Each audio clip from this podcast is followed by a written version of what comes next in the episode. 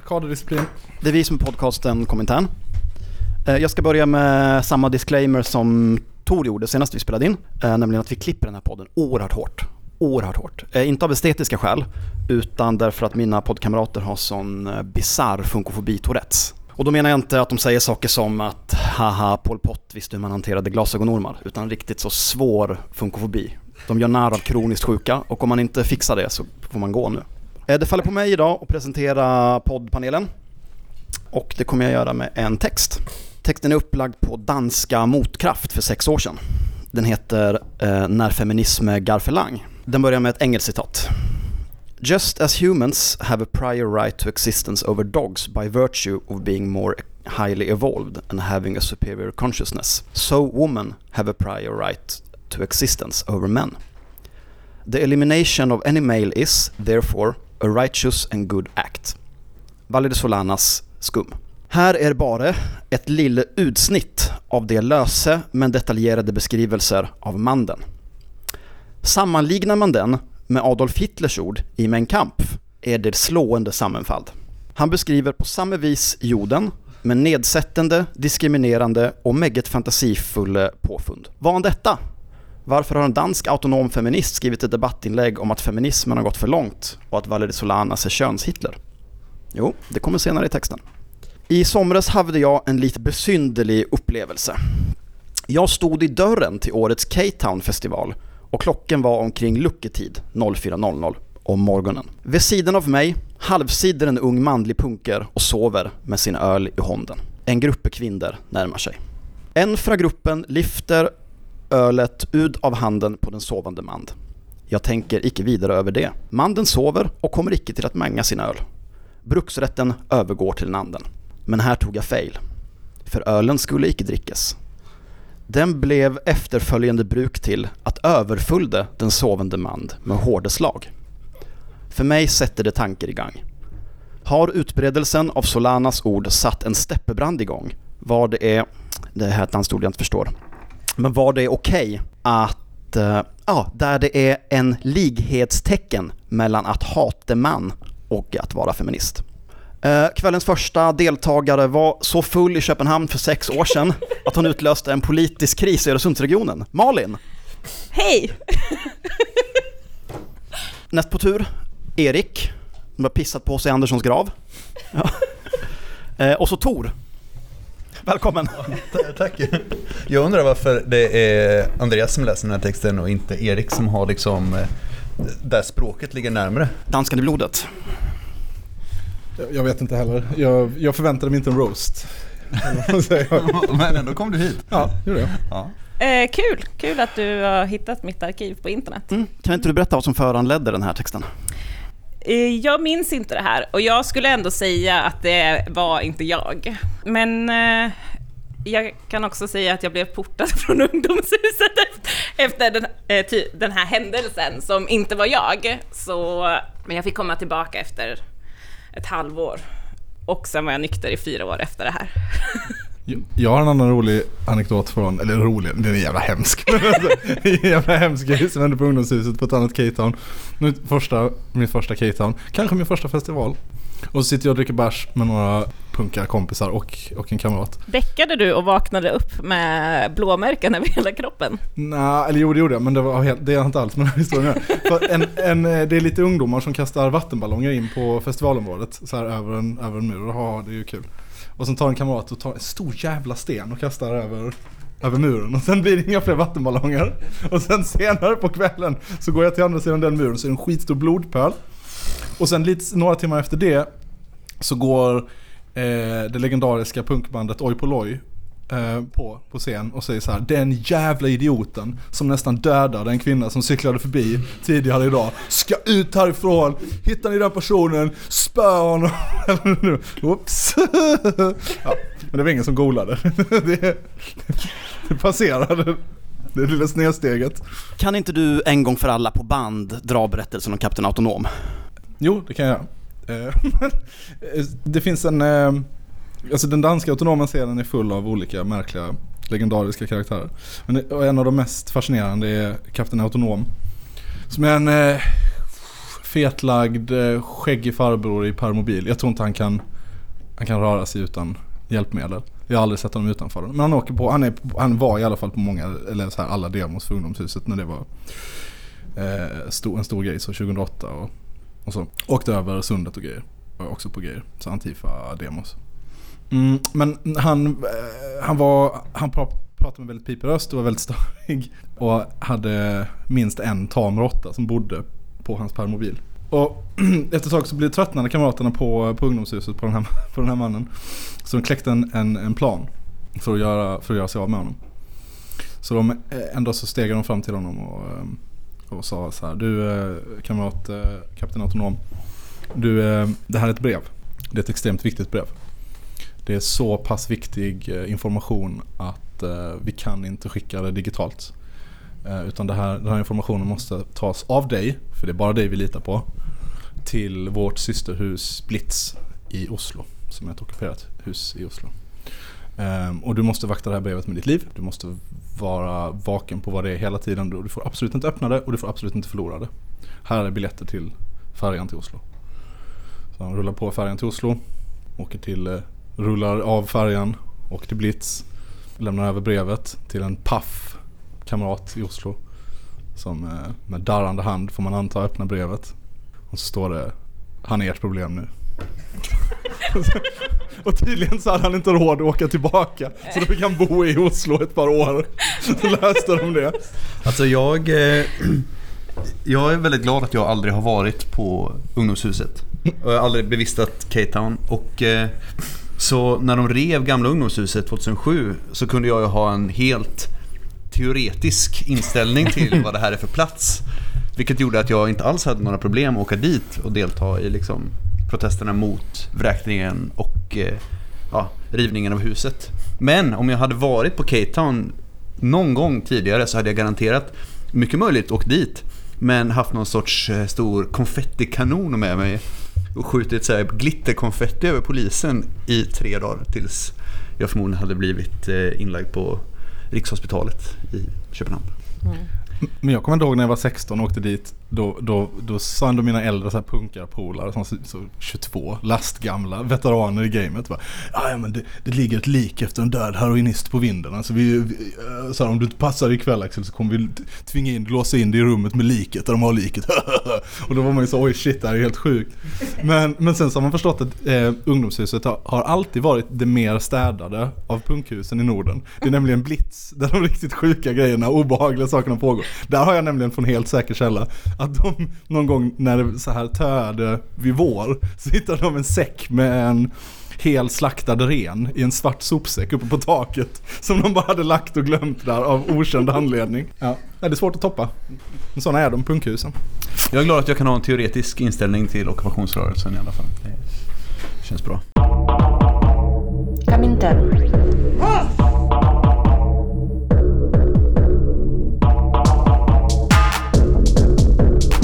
Berätta inte för mig om det svenska klassamhället.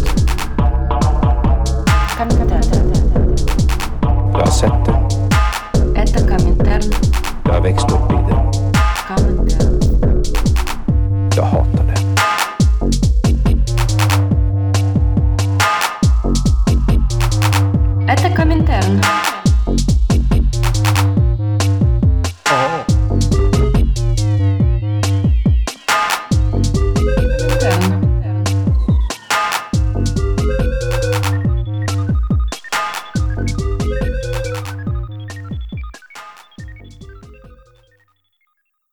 Läget i världen är fruktansvärt.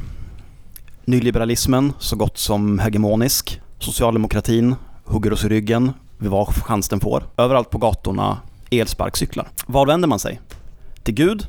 Till Marx? Eller till Frank? Kanske inte till Frank, eller? Jag, jag kan inte riktigt svara på den. Jag, jag tycker att tre alternativ är liksom lite... Oh, jag är anarkist, jag tror inte på ledare. Alltså vi har, vi har, eh, vi har läst eh, Frank Bådes eh, bok mot, självbiografiska bok mot strömmen. Just det. Frank Både, KP MLRs första ordförande. KPMLR, före detta KFMLR. En splittring ur KFML. en utbrytning ur dåvarande VPK, nuvarande Vänsterpartiet. Frank var ordförande i 28 år för KPMLR, det som senare blev Kommunistiska partiet.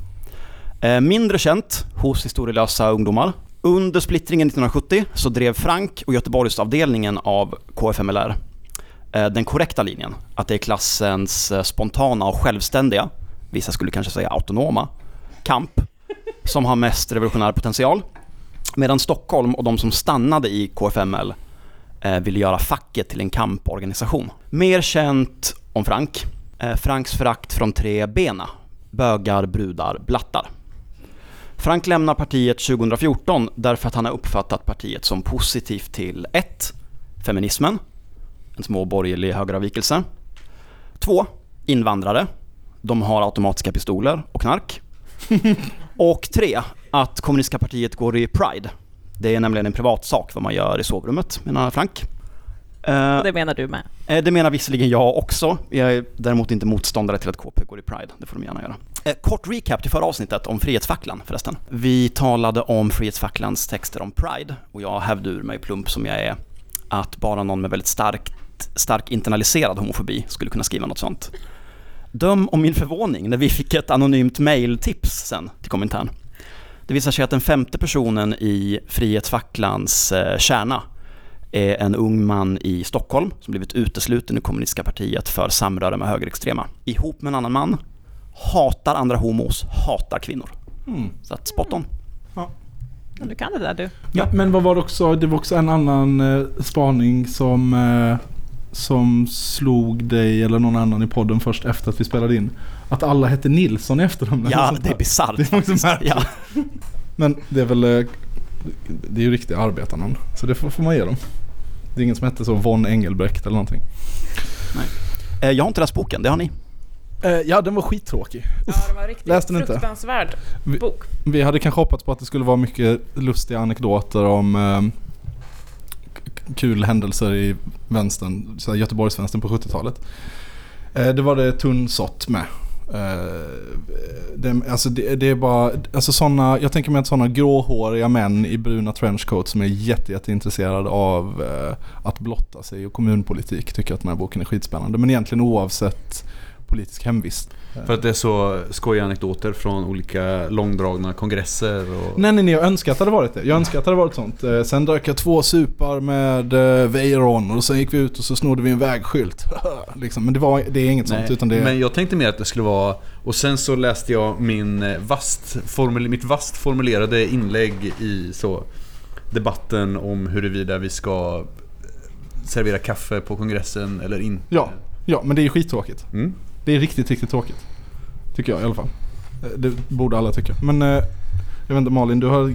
Alltså, jag du har ändå märk, Du har ändå gått jag- loss med märkpenna i den där Ja. jäveln. Jag har, eh, eh, alltså det är som att så här, jag bara, åh, här kommer någonting som skulle kunna bli kul. Och sen blir det aldrig kul. Nej jag håller med. Nej exakt exakt. För det är allting, allting i, i vändiagrammet av saker som jag tycker är kul. Och titlarna i den här, eller kapiteltitlarna. Så tänker man, oh här är det mycket överlappning. Men han lyckas liksom elegant väja förbi allt som är intressant och spännande i, sina kapitel. Men för det tänker jag också varje gång som Frank Både skriver något på Facebook. Att det är så gränslöst tråkigt och då har jag tänkt att han blivit mattare med tiden. Men det är konsekvent alltså. Men varför läser du vad han skriver på Facebook undrar jag? Därför att jag är överintresserad av kommunistiska partiets är du interna kompis med slitningar. på Facebook? Det är öppna inlägg. Okej men Malin. Eh, okej, det- kör, kör, Nu kör jag. Det här är det roligaste av allting som jag har läst, vilket är ungefär 80 sidor bara. Eh, så är det här det roligaste. Men innan dess hade vi vid olika tillfällen vakter vid vår bokhandel på Landsvägsgatan i Haga, när vi hade fått varsel om att brå- bråk var att vänta. Vid ett sådant tillfälle kom en motorcykel på gatan i uppseendeväckande låg fart. Vakterna ut på gatan. En av dem ställde sig mitt i gatan, men motorcykeln kom mot honom, varför vakten drog till med påken. Föraren på motorcykeln hann ducka, men han som satt på bönpallen hade ingen chans utan fick ett slag i huvudet och dansade i gatan. Nu visade det sig att det inte var några elaka knuttar utan grannar som skulle in i porten mitt över gatan. Vakterna bad naturligtvis tusen gånger om ursäkt, men detta ville den slagna inte godta utan polisanmälde händelsen. Kamraten dömdes i tingsrätten till någon månads fängelse. Han bad förbundet om hjälp att överklaga till hovrätten och jag blev utsedd till hans följeslagare där. Det förtar ju lite anekdoten att han noga med att poängtera att det är uppseendeväckande låg fart på motorcykeln. Ja. Men jag skulle också vilja säga, låt den som aldrig vaktat en vänsterlokal och gått lite för långt i att spöa någon man tror eller hoppas är en reaktionär som sen visar sig vara en helt oskyldig person. Kasta första stenen, okej? Alltså det, är, det är ändå någonting som händer. Men det är ju typ någon slags form av eh, ändå så här. Det är poetiskt för att det säger... Det påminner om deras rörelse i allmänhet, KP. Att det kommer bara två helt oskyldiga personer ur folket. De ska slå ett slag för rättvisan. Nita dem istället. Så jävla kassa är de.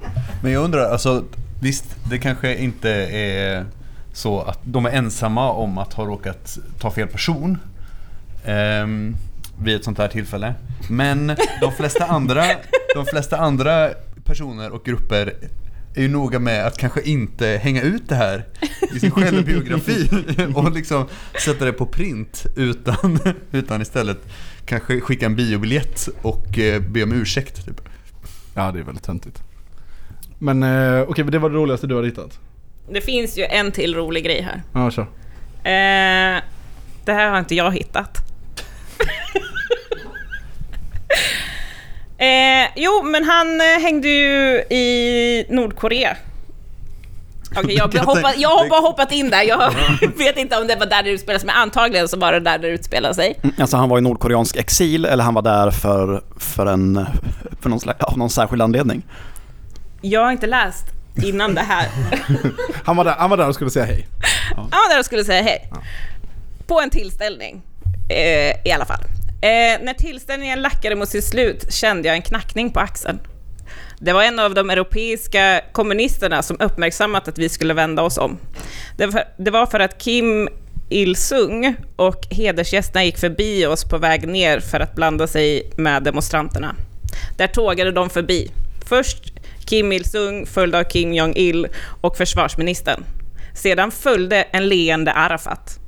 När han gick förbi mig slank det ur mig ett rent spontant ”Hallå Arafat!” Arafat som farit världen över och träffat tusentals människor kanske överraskades av det spontana tilltalet och fick en vibbe av att vi träffats förr. Så han tyckte att han skulle vara artig och hälsa, vilket han gjorde. Efter kom den evigt leende kung Sihanouk och eftersom Arafat nävehälsade stack även Sihanouk fram handen.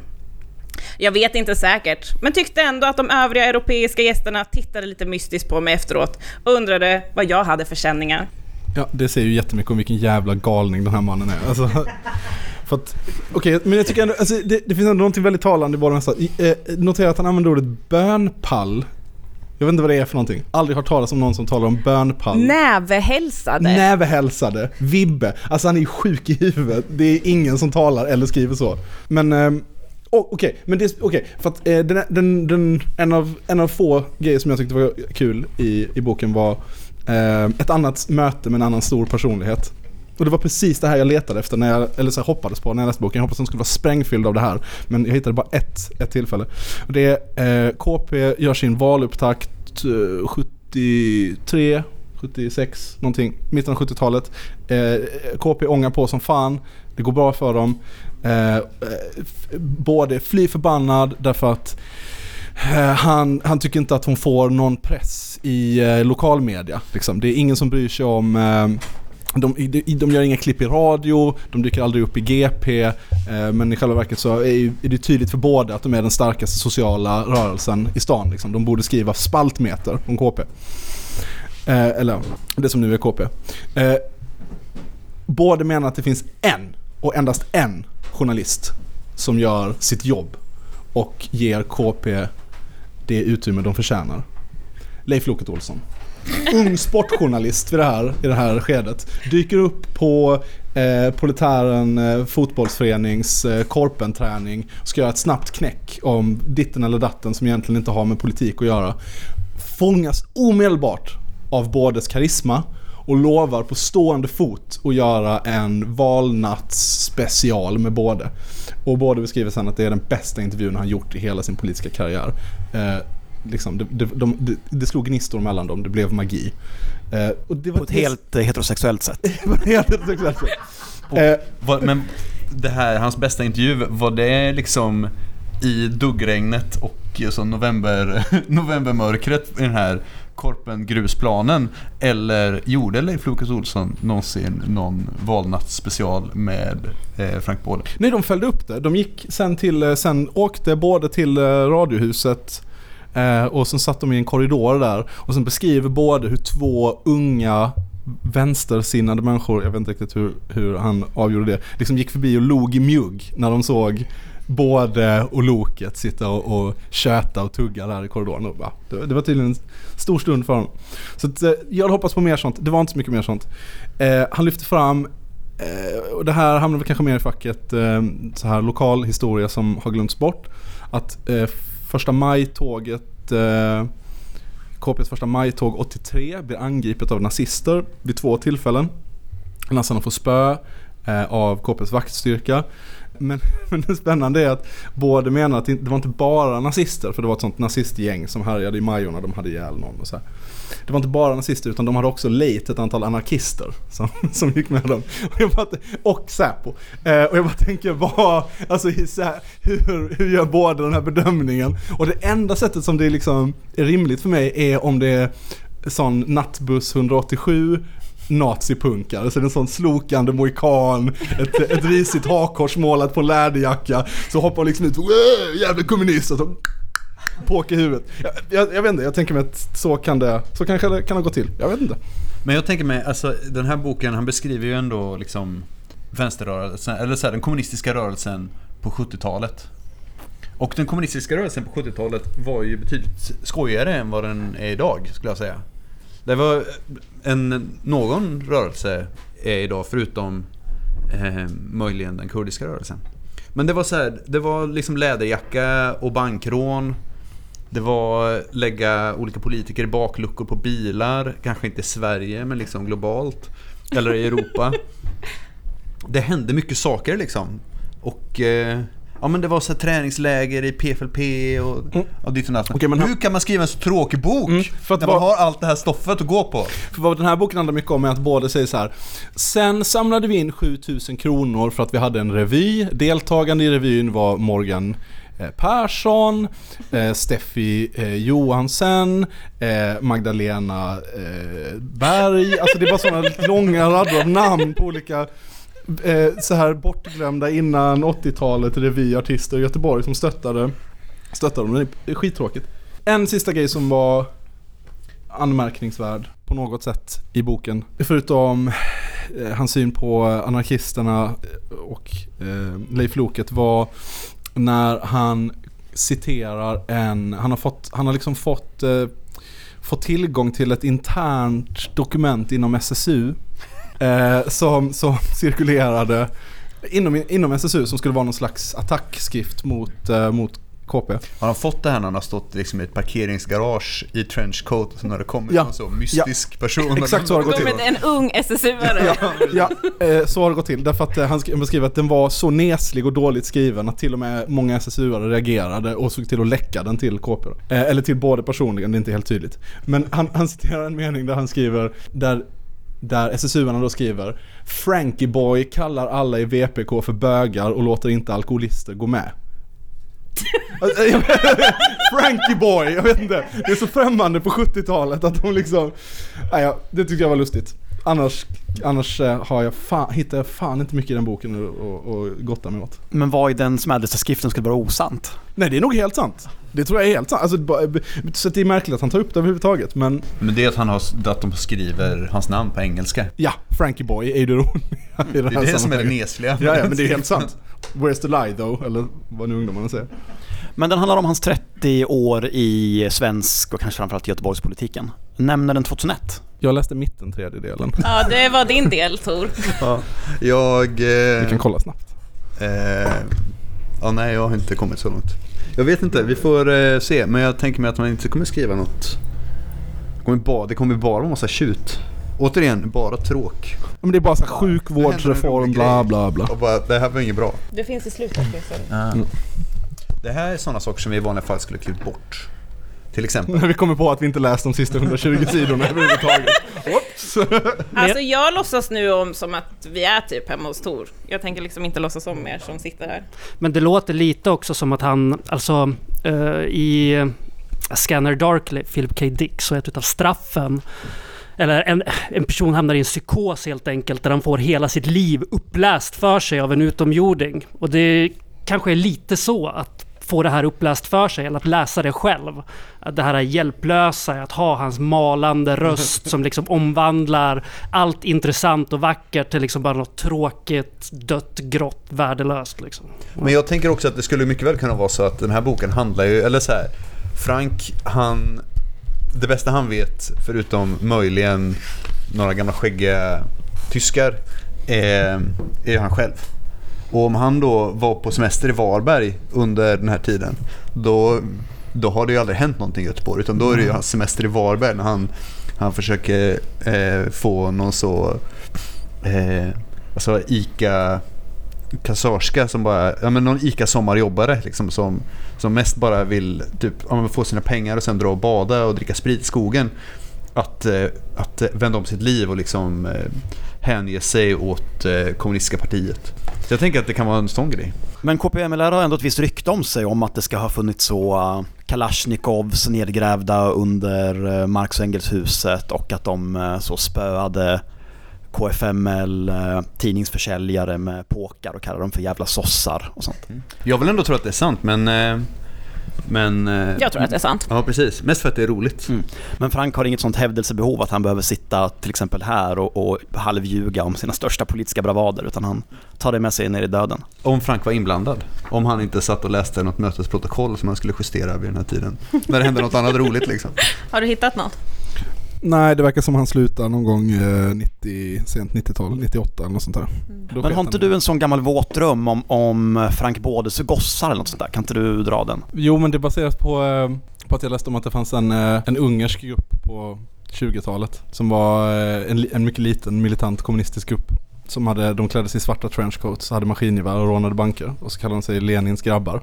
Och då tänker jag, hade det inte varit, det är väldigt homoerotiskt. Hade det inte varit kul om att återuppväcka den eh, organisationstraditionen. Och sen Fast så istället för att råna banker så, lä- så här, justerar man protokoll och skriver listor på olika personer. Ja, i läderjacka. Och så heter man bådes gossar. Jo, det hade varit sett. Bådes pågar. Ja, jag vet inte, det finns någonting i gossar som jag gillar. Jag tycker överlag att du som akademikerson från Lund ska vara försiktig med att rätta Frank i hur arbetare talar. Åh, klasstjej, man vill inte offentligt. Ska du säga något om Franks relation till eh, de frihetliga eller? Mm. Jag eh, rotade lite i SACs arkiv, alltså internet, och eh, hittade det här. Det här är alltså ett, eh, en text som Göteborgs LS har skrivit till LS i Västernorrlands distrikt av SAC angående uteslutningen av Frank Både.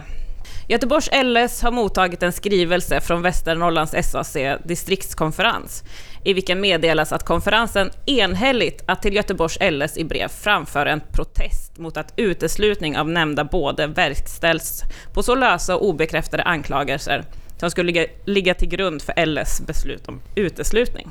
Vänta, vänta, vänta. Så äh, Västerbottens LS har Mm. skickat en protest till Göteborgs LS angående uteslutningen av Frank Både. Ja, så Ur Göteborgs LS. Precis. Okej. Så Frank Både har eventuellt varit medlem eller har varit eh, förts på tal om att bli medlem. Ansökt om medlemskap har han i alla fall gjort. Så Göteborgs LS har på medlemsmöte den 28 i 5 1974 beslutat tillställa Västernorrlands distrikts LS följande. Frank Både är ordförande i ett, polit, i det, ett politiska partiet KFMLR och företräder genom denna funktion detta partis idé och verksamhet. Vi anser att det är helt självklart att LS behandlar en inträdesansökan från vilken partiledare det, må, det vara må med särskild noggrannhet. Han skriver jättebra här. Vid bedömningen av lämpligheten att godta både som medlem tog speciellt hänsyn till KFMLRs principiella och allmänna inställning till syndikalismen och SAC. Göteborgs LS hänvisar härvid till en artikel i KFMLRs tidning Proletären nummer 8 1971 i vilket fastslås Men när Frank söker till Göteborgs LS. Vem är hans arbetsköpare då? Det måste ju vara KPMLR. Eh, det, nej, det kommer. Det kommer. Eh, men i Proletären så står det i alla fall att eh, syndikalisterna inte är något alternativ. Att syndikalisterna förnekar centralismen och inte förstår att det måste finnas en stark centralistisk ledning av den proletära rörelsen. Att syndikalisterna är småborgerliga liberaler som inte förstår att statsapparaten är ett instrument för en nödvändigt klassherravälde. Att syndikalisterna inte vill inse att krigen alltid varit den högsta formen för att lösa klassmotsättningar och att krig är rättfärdiga om de tjänar framåtskridandet och den progressiva klassen.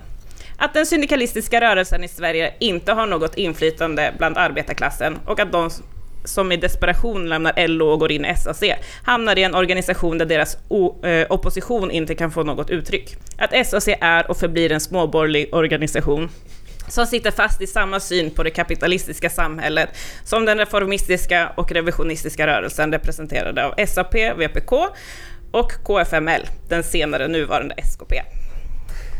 Hatar SKP. Hatar, hatar, hatar SKP. Men här- älskar kriget jättemycket. Det är svårt. Eh, med hänvisning till detta ovanstående hävdar Göteborgs LS att KFMLR står i öppen fiendeställning till syndikalismen och SAC och anser genom att förvägra både medlemskap. Detta är helt för följdriktigt med hänvisning till SACs bla bla bla bla. Och så, så skriver de lite till. Och sen så skriver de så här. Göteborgs LS kunde också, om den varit byråkratiskt, hänvisa till uteblivna och felaktiga uppgifter i bådes medlemsansökan. Både skriver i sitt klagobrev att han har varit LO-organiserad sedan sitt 15 år och han framhöll att han lämnat LO därför att han övergått till heltidsarbete för KFMLR. Låter som din Tinder-profil, eh, Erik. På LS-mötet där bådes brev behandlades framhöll en av hans partikamrater att både uteslutits ur Byggnadsarbetarförbundet på grund av sin politiska övertygelse. Beträffande både måste nog martyrgloria naggas lite i kanten då han helt enkelt uteslutits ut ur Byggnadsarbetareförbundet på grund av bristande betalning. Mm. Aj, aj, aj, aj, aj. Både hade vidare i sin medlemsansökan uppgivit att han var anställd ho- hos en viss byggnadsfirma. Vid kontroll visade sig emellertid att både icke var anställd i den uppgivna firman. Så han for med osanning. Ja. Men varför sökte han? Det är ju... Det är ju Det säger han ingenting om i sin bok kan jag säga. Det kapitlet, jag fattar inte. Är det korta?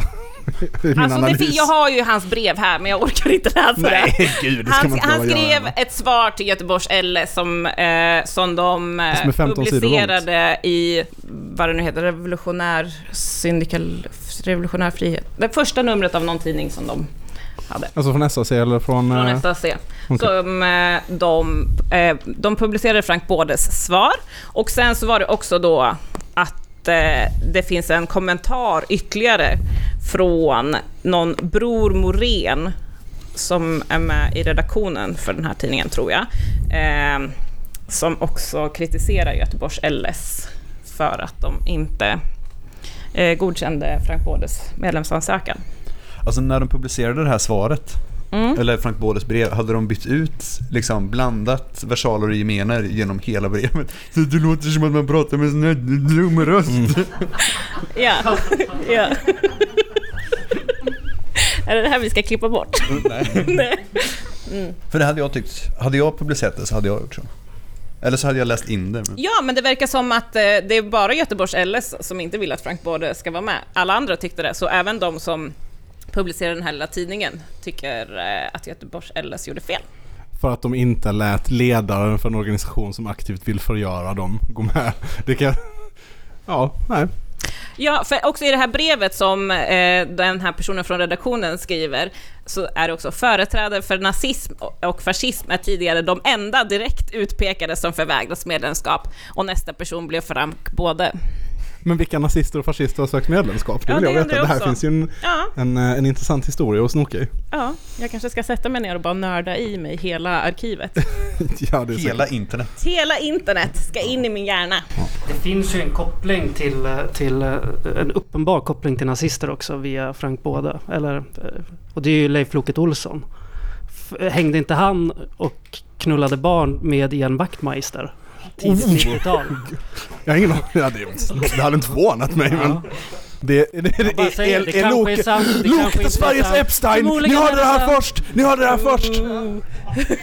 Som ansvarig utgivare blir jag lite nervös av de här, det här uttalandet. Ska vi ta lite musikpaus?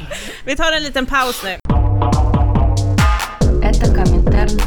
Eh, men så om Frank Både personifierar bokstavsvänsterns mest eh, Stalintrogna och sexualkonservativa falang så har han kanske sin raka motsats i maoisten, skriftställaren och den vid 92 års ålder fortfarande sprängkåte Jan Myrdal. Aktuell i våras med sin typ 50 bok, Ett andra anstånd. Den handlar lite om åldersdiskriminering, lite om ensamhet, lite om politik och jättemycket om Jan Myrdals sexuella fantasier. Stånd alltså, det handlar mycket om stånd. Det handlar jättemycket om stånd och ibland också om bristen på stånd vid 92 års ålder. Nu är Jan Myrdal i dagarna återaktuell eftersom han har meddelat att han har skrivit sin sista text till Folket i Bild Kulturfront. En tidning som han var med och startade på 70-talet. Och med anledning av detta så tänkte vi ta tempen på maoismen. Ja. Det, det föll på mig att göra research i eh, det maoistiska tankegodset. Jag vet bara att Mao Zedongs tanke, det är en sol som aldrig ska gå ner. Ja. Det är ungefär det jag vet också, och någonting om bönder. Ja, ja då så. Då var klar med det. Eh, eh, för jag, jag gjorde ju inte mitt jävla jobb. men, men, så jag, eh, men det finns, jag, vet, jag vet några saker sedan tidigare. Och det är att det finns egentligen två, två maoismer. Eh, det finns, eh, det finns eh, ma, Mao Lite som diabetes. Lite som diabetes. Typ 1 och typ 2. maoism. Ja. Typ, det finns typ 1 maoism som är, som är Mao Zedongs tänkande. Som är vad Mao skrev och vad Mao gjorde och vad som hände i Kina. Typ. Fram till, jag vet inte när. Kulturrevolution, så smälta ner allt i olika så brännugnar på landet. Bönder. Bönder. Ja, och så vidare och så vidare. Tusen blommor blomma. Ja, Maos lilla röda kan man tänka. Eh, och sen så är det... Det kan Eh, man också med fördel vifta med. det kan, Det det kan man absolut jävligt viftkompatibel bok. Det tror jag att även de andra, typ två maoismen gärna gör, viftar med, eh, med den lilla röda. Det är vad som brukar kallas MLM, eh, marxist-leninism maoismen. Eh, och det är mest, alltså de grupper vi kommer tala om nu är MLM-grupper. Och MLM-grupperna, de är, de, de skiljer sig lite från, alltså de, de, de säger inte bara att eh, okej vi läser Maos lilla röda och vi gör som de gjorde i Kina. Utan de, de säger att marxismen har gått i tre stadier. Först var det Marx som skrev, som grundlade den. Och sen så förfinades den, eller utvecklades den av, av Lenin. Och sen så utvecklades den till sitt tredje och högsta stadium i Maos skrivande. Och, eller ja, yeah egentligen inte sitt högsta stadie därför att sen så kommer ordförande Gonzalo och det är han som, som tar vad Mao skriver och verkligen, och verkligen tar det till nästa nivå. Men det är han som har uttolkat MLM, eller? Ja, precis. Eh, och, och det är då, det kanske, det kanske du ska prata mer om. Ja, det Ja. hade jag tänkt. Precis, men det, så det går vi in på lite. Men det, det är bra att veta att, att eh, när folk, de flesta som kallar sig maoister eh, och, och inte specificerar vilken sorts maoister, de är MLM-maoister. Typ två maoister. Typ 2 maoister, precis. Så de är inte så här, de, de är inte... Och, det som, och de talar väldigt mycket om, om, om marxistisk politik som de här, de här, de här eh, fyra stadierna. Liksom. Att det är, en, en progression. Att på samma sätt som naturvetenskapen liksom kan tala om eh, den eh, newtonska revolutionen inom vetenskap. Då för ett nytt paradigm så tänker de lite på det på samma sätt. Att de här tänkarna skapar ett nytt paradigm. Och så, tjo, eh, Jag har två saker på maoismen. Eh, och det är eller det ena är en segway in till en vits. Skulle man kunna säga. Okej? Eh, Så himla tveksam jag var. Ja, okej. ja. Ja, du är så torr Tor! jag är ju generellt en jävligt torr person. Eh, och ehm, nu, så att jag jag har ju egentligen inget anspråk på att vara rolig på något sätt. Jag är också nu med- mittemellan två nattskift på mitt jobb. Så att jag är också väldigt trött så jag kommer inte att göra några anspråk på att vara smart heller. Men man kan ju i alla fall, eh, ni som lyssnar kan ju i alla fall tänka er att jag är ganska snygg så. Så att ni får ut någonting av det. Något ska det Obsant. ha. Mm. Det är sant. Han är den snyggaste av oss. Men så alla utom, alltså det har ju funnits en väldigt, det här är en del av liksom den maoistiska, det maoistiska arvet, legenden, arv, ehm, liksom, ja, nu börjar det bli mycket nu. My, myten. Men, ja, myten, om, myten om maoismen Ja. är ju att den är ju, har ju legat i väldigt mycket fade med eh, stalinismen. Alltså Kina och Ryssland såg ju inte alltid så. Men det är nog inte så mycket myt. Så Nej, var men det är en del av... Jag försökte, stora Jag polemiken. försökte hitta legacy Ja, på svenska, men Ja, jag kom okej. inte på vad det var för någonting. Arvet. Det är ett uttryck som jag precis har lärt mig. Polemik. Och den stora polemiken. Precis. Men eh, det finns ju, och nu kommer vi tillbaka i eh, KPMLR, att det finns en grupp som ju har överbryggt det här. Och det är ju KPMLRs kulturgrupp Knutna Nävar. Som faktiskt har gjort en, eh, en eh, låt om Mao Zedongs tänkande. Som på ett ganska så, liksom, lite så farsrasistiskt sätt har den i så, med bara kinesiska instrument och väldigt så falsettig sång. Men, så då, kom, då är den stora frågan, i tyngdlyftnings... Kina är ett stort tyngdlyftarland. Mm. Det vet vi som bor med folk som tycker om att titta på tyngdlyftning på TV. Eh, där man får, får alla roliga länder, det är Nordkorea, där alla har samma skor, det är Kina, det är Irak, Egypten, det är alla skojiga länder och sen så alla så syd, Sydösteuropa-länderna. Skitsamma. Men då är frågan, varför kommer Kina alltid spöa Ryssland i tyngdlyftning? Har det något med Mao Zedong att göra? precis. För att Stalin, han har inte så mycket vikt på sin stång, men eh, Mao Zedong. Åh, åh, jag får ont i huvudet. Åh. Det var mitt, det var mitt stora bidrag så. Mic drop. Åh, Oh, det var en väldigt lång uppbyggnad. Ja, det satan vilket långt upplägg. Men ett lärorikt, ett lärorikt upplägg. Okej, då tänker jag att vi ska, nu ska vi ta vad som, när man talar, okej, tillbaka till allvaret nu, nu skärper vi oss. Anledningen till att man talar om, mycket om, eh, liksom lite skämtsamt om bön, bönder och bla bla bla, är att en, en viktig grundläggande idé, eller en så här revolutionär teori för MLM-arna, är att och det här är ett, en term som kommer tillbaka igen och igen och igen, är att revolutionen sker inte i de urbana centrerna i ett land, utan de, eh, eh vad heter det, utan det sker av gerillagrupper i, på landsbygden som eh, för ett utdraget folkkrig mot, mot staten eh, i, under lång, lång tid.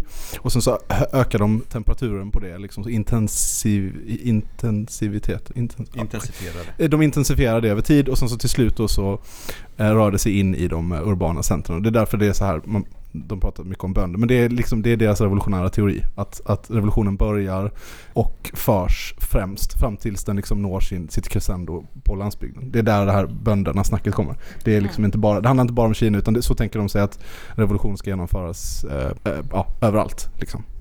Och det gjorde maoismen supersexy på 60-70-talet. Alltså för att om USA var den stora imperialistiska fienden så var Sovjet så en vision. Den lilla imperialistiska fienden. Ja, lilla imperialistiska fienden men också en vision som hade gjort den väldigt besviken. Eh, Det kändes eh, fyrkantigt, det var industrialiserat. Kina var så nytt och fräscht konsumtionkritiskt. konsumtionskritiskt. Alltså jag måste ändå säga att av, alltså maoismen, av alla så auktoritära kommunistiska idéer så är maoismen min, min bästa. Din guilty pleasure. Ja men det, det, och det, det säger precis, jag sitter hemma och, och nej men eh, Hade inget roligt på det. Ja, Nej men jag kunde tänka mig det roliga. Det, Men om man nu ändå ska vara auktoritär så finns det ändå, eller auktoritär, men om man nu ändå liksom alltså det Om man finns- ändå nu ska vara där. Ja men alltså det finns men det ju ska, ändå... man, det ska man inte, det är det som är hela grejen. Ja, ja, ja okej. Men, Nu eh, pratar du med fel person. ja, men, alltså, men det finns ju ändå någonting i typ kulturrevolutionen. Alltså att eh, även om det är en, stan, en så standardtolkning är att eh, Mao ville, kände att han förlorade makt i partiet och sen så, eh, så hela den här grejen med att liksom demokratiseringen av, av, eh, av Kina revolutionen och folket skulle ta tillbaka makten och bla bla bla. Att det alltid var ett cyniskt powerplay från Maos sida. Att han försökte använda folkets massor mot andra delar av partitoppen som han var trött på. Eh, och sen så krossade, eller var med och krossade de liksom folkliga, den, vad ska man säga? Initiativen. Ja, initiativen, eh, eller renodlade upproren liksom. Även om det var så, så skedde det ju jävligt coola grejer i Kina under kulturrevolutionen. Alltså att, att eh, väldigt så trogna, eh, hängivna eh, klasskämpar eh, angrep och drev ut eh, olika partipolitruker eh, och byråkrater. Eh, ibland väldigt bokstavligt liksom och misshandlade och förnedrade dem. Eller så kastade ut dem. Eh, och det är ju fett. Liksom. Eh, men eh, Ja, så att jag, kan, jag fattar ändå att det finns, lite, det finns grejer att hämta där. Det är inte helt bort i tok. Min, eh, min bästa, eller anledningen till att jag tycker om maoister mer än några andra auktoritära kommunister är ju på grund av den danska 70 och 80-talsgruppen KAK. Ja, Som sen blev Blekingegadeligan. För de gjorde jävligt roliga grejer och hade en väldigt bra idé om eh, solidaritet, internationell solidaritet och vad det är för någonting och vad det betyder. Eh, så att jag tycker att alla i vanlig ordning ska läsa Rom för revolutionen som är sammanställd av Gabriel Kuhn för några år sedan. Läs Alltså, ja, alltså jag tänker att det kanske är att downplaya maoismen lite. Att jag tror inte det finns någon politisk rörelse som har varit så viktig som maoismen för eh, länder som avkolonialiserat sig själva. Att där fick man en ideologi som eh, kunde ge en historisk kontext till vad det var man var inblandad i och de enda, den enda revolutionära klassen i de här samhällena var bönder, det var de som bodde ute på landsbygden, man såg det i bland annat Algeriet, så möjliggjordes hela upproret mot fransmännen just på grund av att man kunde ta sig ur städerna, mobilisera folket på landsbygden och sen gå in i städerna igen. är inte det idealism att säga att det var maoismen som möjliggjorde Nej, maoismen... Ja, det vet jag fan om det är idealism. Oh, det här... nej, jag, nej, jag vet inte heller. Jag, jag, jag, Idealismen Ja. är den ideologi som man kunde arbeta med. Det var den ideologi som folk kunde gå ut på landsbygden och eh, agitera med. mm. och eh, medvetandegöra. Alltså som ett Mm. avantgarde. Vi är ju marxist-leninister så... Du kanske? nej men jag, nej, men jag det, var, det, var, det, var, eh, det är alltid ett slag under bältet att beskylla någon för idealism. Det går typ inte att värja sig mot. Det är så himla tomt och där. Men det är väldigt maoistisk anda eh, att sitta och kritisera varandra på det här sättet i storgrupp under förnedrande former. Jag Ska tänker vi- också att det är lite killigt att göra så. Ja, kanske det. Ja. Skulle du säga att det är killigt att som Harald säga att man absolut inte ska vara med utan bara sköta ljudet och sen gre- greppa micken vid varje chans som öppnar Ja, sig? den rösten som ni hör ibland som inte har blivit presenterad det är ju vår kära Harald som sköter vårt ljud. Tack Harald för att du sköter ljudet. Mm. Sen är ju, eh, var ju KAK och Blekingadeligan inspirerad av den helt felaktiga snyltastatsteorin. Men det kan vi lämna därhän. Har du något mer på 6-70-talsmaoismen eller? Ja, alltså sen så, eller ja, okej, men me, mest rolig maoism i Sverige står eh, de eh, så kallade rebellgrupperna för. Oh, ja. Eh, men de är ju bara, alltså de är mest bara för att de var så här, eh, Alltså De... Kollektiv skinnjacka och hjälm. N- och bråk. nej, alltså de är ju vänstern som de här helt själlösa borgarna i eh, Svenskt Näringsliv tror att vänstern är. De är exakt så. Eh, de fanns på 70-talet. Eh, det var, de var aldrig fler än 12 stycken. De eh, hakade av eh, toalettdörrarna från sina lägenheter för att leva i totalt eh, kollektiv. Alltså ingenting skulle vara individualiserat. Man skulle kunna säga att de var vänsterns lästadianer. Eh, Jag vet för Med lite då en om liten kristen grupp i Norrlands inland Ja, ja, de som har inte... gardiner. Ja, precis. Ja, nej men lite så. Har Eh, de inte gardiner? Det, det är djävulens underbyxor. Då Mm. kan man eh, liksom gömma sig för sina grannar och så minskar den sociala kontrollen. Ja men då är, då är de exakt, då är de exakt, eller, då är de exakt vänsternästadianer. Men de är någon slags utbytning från, eh, ja men jag tror det var KFM, ja, jag kan Du kan bara dra fyra Skitsamma. bokstäver ur en hatt. Så Ja, kommer du sen- få liksom Så kommer jag antagligen tydlig- det. Men de gör liksom, de är, de, de, de har någon sån, det finns någon sån sektledaraktig typ i Uppsala som samlar ihop 12 pers och sen så eh, åker de ut, eh, det slutar med att de, eh, de samlar ihop, de kollektiviserar alla sina ägodelar, alla 12. Eh, vilket då led, innebär att den här sektledaren får alla lägenheter, alla bor tillsammans, alla sover på britsar. Barnen ska del, eller lämnas in till gruppen. Eh, som ska, barnen ska kollektiviseras. Och sen så till slut så har de så pass råa och obehagliga självkritikssessioner att större delen av gruppen bara eh, droppar av och sticker.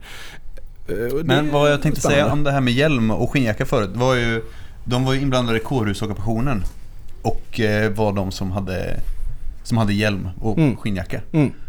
Alltså är och med, sen så bodde de ju i kollektiv men det, jag vet inte, men alltså det finns ju ändå en sån hjälm och skinnjacka tradition innan eh, 80-90-talet. Och, Alltså innan det tas, börjar tas mycket fotografier. Jag Precis, kårhusockupationen Ja men alltså innan det, eller så det, jag kommer ihåg någonting jag läste om Eh, som knyter an till, eh, till vad, vad Malin läste om både. Alltså att eh, KP hade, hade en demo i Jönköping eh, mot någon off- amerikansk offensiv i Vietnam. Och sen så blir den och sen så råkar de ha den samtidigt som en sån raggar ett sån raggar-meet. Så det kommer flera hundra raggare och ska spö, eller angriper demon. Demon får ganska mycket stryk. Eh, sen så ska KP ha en, eh, en demo kort efter det för att liksom, eh, lå, vi låter oss inte tystas demo. Eh, helt efter liksom vänstermanus. svensk nazistisk eh, tradition. Nej men, ja men typ. Eh, och sen så, och då, så de samlar, och då är det, då går, går liksom demon med knölpåkar och hjälmar och läderjackor. Och sen så kommer eh, de här knuttarna då och ska liksom konfrontera demon. Men då är det, jag vet inte fan om det var både, det kan inte varit både för han hade skrivit om det i sin bok. Men någon sån KP Hotshot beskriver hur han möter raggarhövdingen. Eh, och sen så sätter de sig ner vid en korvmoj och snackar som goa knegare. Eh, och, och kommer överens liksom. Och sen slutar det med att de har en fest tillsammans. Riktigt god idé. Ja, det är kul. Det är nog både. Det kanske är Ja, både. jag, tror, jag tror jag läste... Ja. Precis, han hade, ett, han hade ett jävligt bra tillfälle att göra ett riktigt, en riktigt rolig grej. Sen så bara... Men jag tycker det är lite fint. Alltså, på, alltså även om du är fucking både så är det ändå så vilsen eh, arbetarungdom eh, möter en eh, storstadsvänster och så kommer de överens inom gemensamma klassintressen. Det är väl ändå gött att, de inte, så här, att det inte blev eh, råkurr, antar jag. Råkurr. Mm. Jag har börjat tala som Frank Både skriver. Ja. Det låter ju lite som att rebellrörelsens kollektiv eh, tradition lever kvar i Hisingens eh, queer-kollektiv också. Alltså där det ofta är så att om man vill ha stängd dörr när man knullar så är man sexnegativ och om man vill ha sin egen sojamjölk så är man eh, så individualist och liberal. Har man, har man mjukt bröd hemma då är det... Det är fan Ja. borgerligt med bjudbröd. Ja, nej men det är om, det är om den lilla maoismen. Så hur mår maoismen idag? Ja, det har jag ingen aning om. Fast det, det står här i min setlist att du ska ha... Men det är fan, du har lagt allt på mig. Ja, ja, ja, ja. I Peru så finns den härliga ordförande Gonzalo och hans Sendero Luminoso. Och det är ju Perus kommunistiska parti eh, som eh, grundades för jättelänge sedan och sen så bröts den upp och blev flera olika små eh, partidelar och sen så blev en av dem blev Sendero Luminoso. Och de är ehm, Ja men de kör mycket på det här med folkkriget och eh, bönderna och runt omkring och de hade jätte- jättemycket makt ett tag och eh, eh, var ganska mycket våldsamma. B- g- Ganska... Okej, be- de mördade hur många som helst! Kan du inte berätta hur man blev medlem? Det vet jag. Berätta du. För att bli medlem så var man tvungen att döda en polis och ta brickan och lämna in den. Det var enda sättet man fick bli medlem. Man var tvungen att döda en polis, ta brickan, lämna in den. Då fick man vara medlem. Jag skulle inte säga att det är ocoolt. Det tycker jag är skitcoolt, det är det bästa med hela den gruppen. Förlåt mamma. Det är exakt som i podden Bilda kedjor, är det inte det? Tack ordförande Gonzalo, tack, tack, tack. Tack ordförarinna Maulin, som jag numera heter.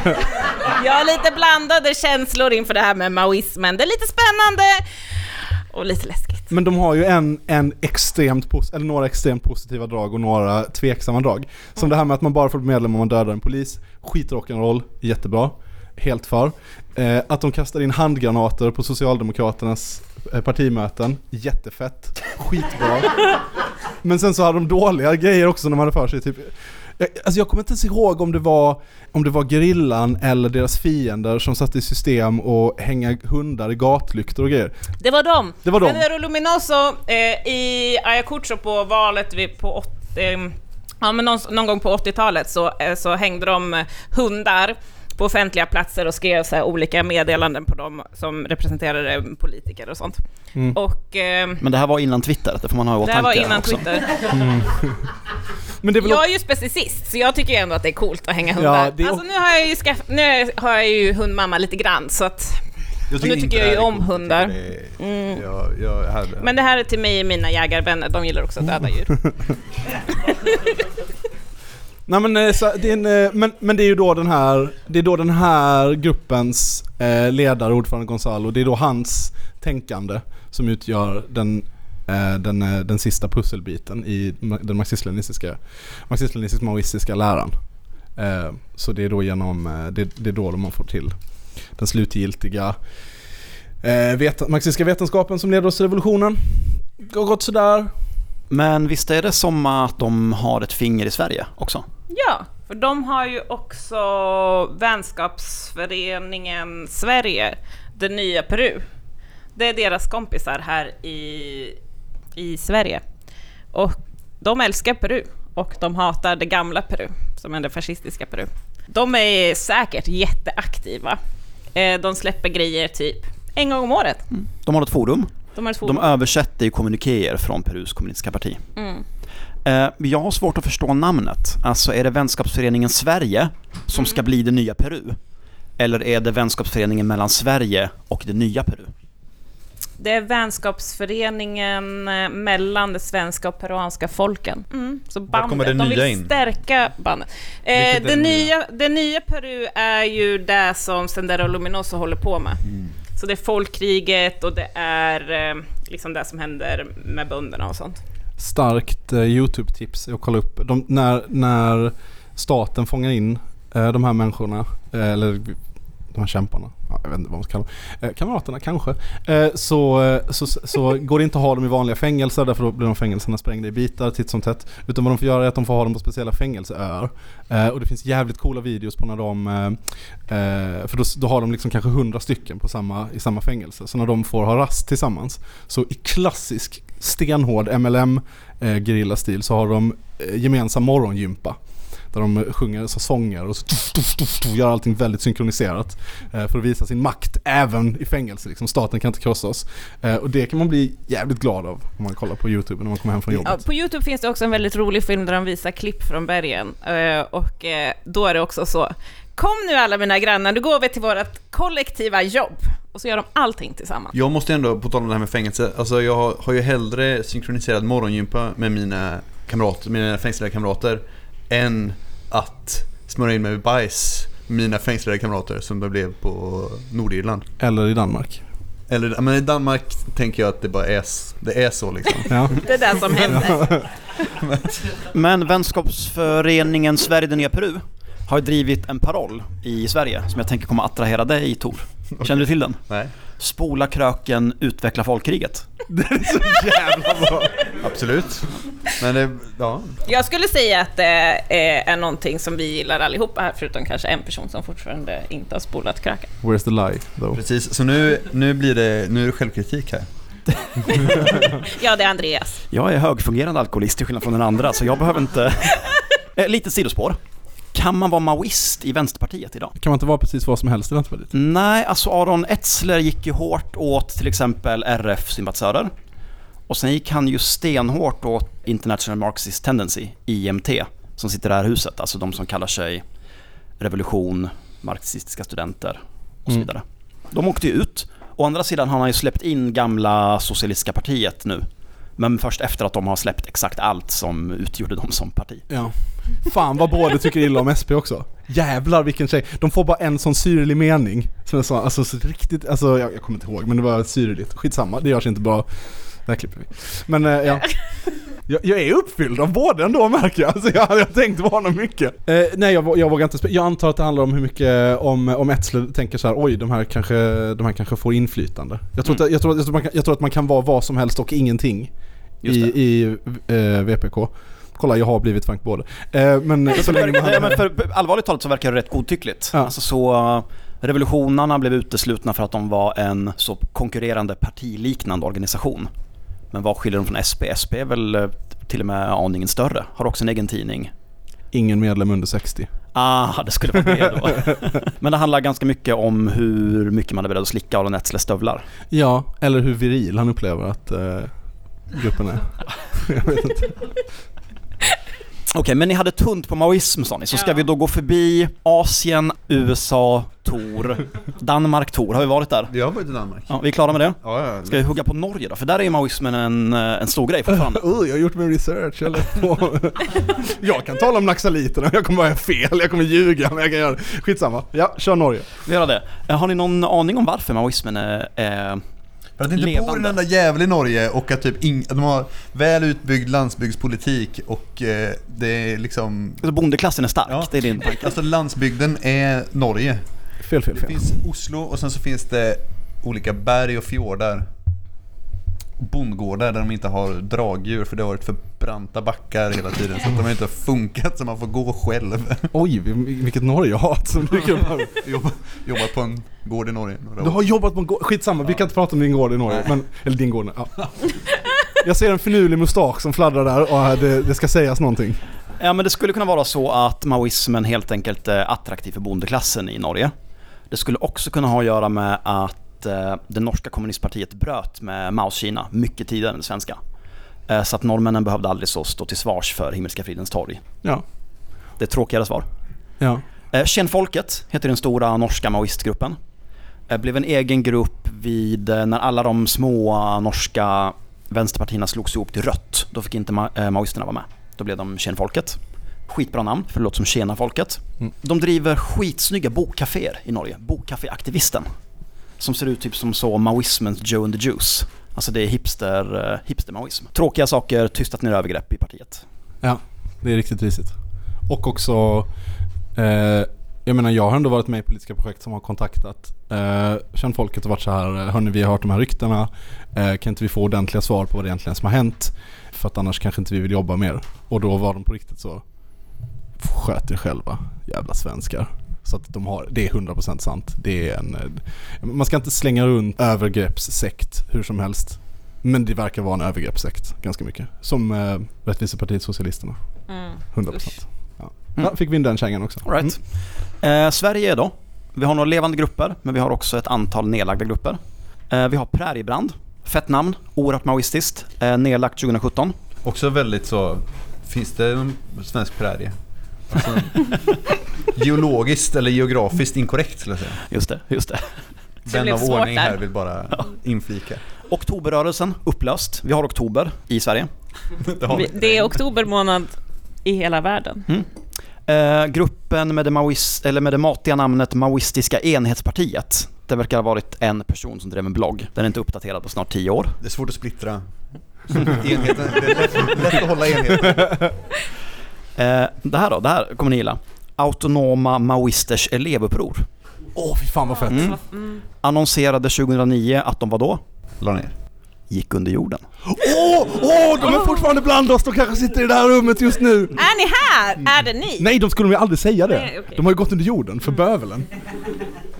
De kanske kastar handgranater i detta nu på ett socialdemokratiskt möte. Hoppas. Vad har vi på aktiva maoistiska grupper i Sverige? Eh, vi har... Eh, jag kollar på fusklappen här. Ja men vi har Röd Makt. Eh, kamrater i, eh, jättefina kamrater. Mm. Som jag, jag håller av mycket. Eh, jättegoa. Har, eh, jag har suttit både i möten och eh, bekämpat klassfienden handgripligt tillsammans med dem. Så jag har bara gott att säga om dem.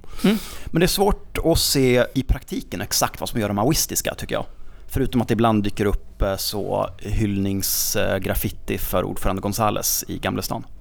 Men det är väl för att de inte har bedömt oss som socialdemokrater än och följaktligen inte kastar handgranater på oss. Men det kommer. Det kommer. Jag hoppas inte att det kommer. Nej, inte jag heller. Eh, men då får vi bli maoister helt enkelt. Ja. Eh, att, men, eh, sen, ja, men, grejen är, men det är ju någonting i MLM-grejen, alltså där det finns, alltså en, en viktig grej för dem verkar vara att spöa andra vänster, vänstergrupper. Det dök upp en sån här viral video på när Red Guards Austin, Red Guards med en eh, MLM-organisation i USA. Med antika gevär och röda bandanas. Precis. Eh, Ja, inte röda sådana maskeringar, inte röda bandanas. Ja, precis. De, men de, de har gjort ett namn eh, för sig för att angripa, genom att angripa andra vänstergrupper och beskylla dem för att vara högeravvikare eller so- socialdemokrater. Den, senaste, den senaste angreppet så misshandlade de någon 50-årig man på ett Democratic Socialist of America eh, eller någonting i den stilen, jag vet inte. Så det, men det är ju en grej de gör liksom. Och eh, som de väl gjorde i Peru också i stor utsträckning, tror jag. Ja, nej, det var det. Mm. Men så vilken svensk trottegrupp stryk först när Röd makt växer starka? Ja, jag hoppas att det är RS. Åh, men jag hoppas att det är RS.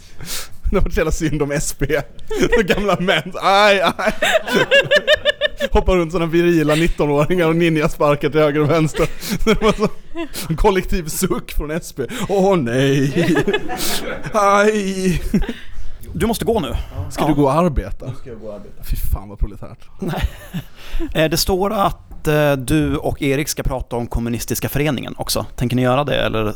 Jag, jag såg det på pappret och bara, vad fan är kommunistiska föreningen? Ja, du kunde ha googlat till exempel. Ja, nej, det sket jag i. Men det tror jag är den största svenska maoistiska gruppen. Ja, det mm. kanske det är. Skulle inte du säga att vänskapsföreningen Sverige, och det nya Peru, är det största? Nej, jag tror att de är mycket mindre. Jag tror knappt att de finns. Nej, det tror inte jag heller. Eh, men kommunistiska föreningen såg jag på Facebook hade en... Hur många likes har de? Eh, det kollade jag inte. Nej. Ett gäng. 300... Jag tror att de utklassar den här podden ja. ja. Nej. Oj! Nej, nej, det tror jag inte. Eh, men de skrev att de hade maoistisk enhetskonferens i helgen. Ja. Ja, det darrar lite i äggstockarna när man hör det. jag. Om någon vill skicka en rapport från den konferensen så kominternpodd at gmail.com. Mm. Jag konfronterade en röd maktare i trappen här och frågade var ni en del av den maoistiska enhetskonferensen? Han tittade mig djupt i ögonen och så sa han, det vet du att jag inte kan svara på. Så jävla grymt. Men vi kan ju enas om att de autonoma elevmaoisterna 100% var där. 100 Alltså. procent, 100 procent. Eh, Det står här att vi ska avsluta med ett interaktivt segment. Eh, Men jag har misslyckats med det. Jag började skissa på Mia Törnblom eller Maus lilla röda. Men det, det gick helt enkelt inte ihop. Sen så började jag fila på Jan Myrdal eller sexnovell på ungdomsmottagningens hemsida. Men, men jag har bara läsa tre och jag blev väldigt lätt generad och det här var... Det här var för mycket. För Ja. Och de har typ tio stycken på ungdomsmottagningens hemsida. Eh, Jag läste tre. Alla tre har medeltidstema. Oj! Men Inte det är något weird? sexigt. Men har inte du någon anekdot från medeltidsveckan, Andreas? Jag hade min sexuella debut på medeltidsveckan i Visby, men det har jag Ja, faktiskt du inte borde väl veta då? Okej, men är det en grej hos ungdomar undrar jag? Ja det är Det var ju det. en grej för dig. Ja men det är en otrolig... Det är en väldigt, väldigt kåt Andreas är stämning röd i ansiktet. Ja. Som en tomat. Jag tänkte att jag skulle eh, låta er gissa om det var en Jan Myrdal snusktext eller om det var en sexnovell från ungdomsmottagningens hemsida. Jag tänkte också att jag skulle eh, väva in eh, Jörgen Fågelklos flash, Flashback-poster om när han råkade ejakulera sig i sitt eget ansikte. Eh, och så tänkte jag att jag i mixen skulle ha det här smset som du skickade till mig en gång. Ja. Eh, när du alltså, kallar mig för en modern Pinochet för att jag inte vill ha trekant med dig.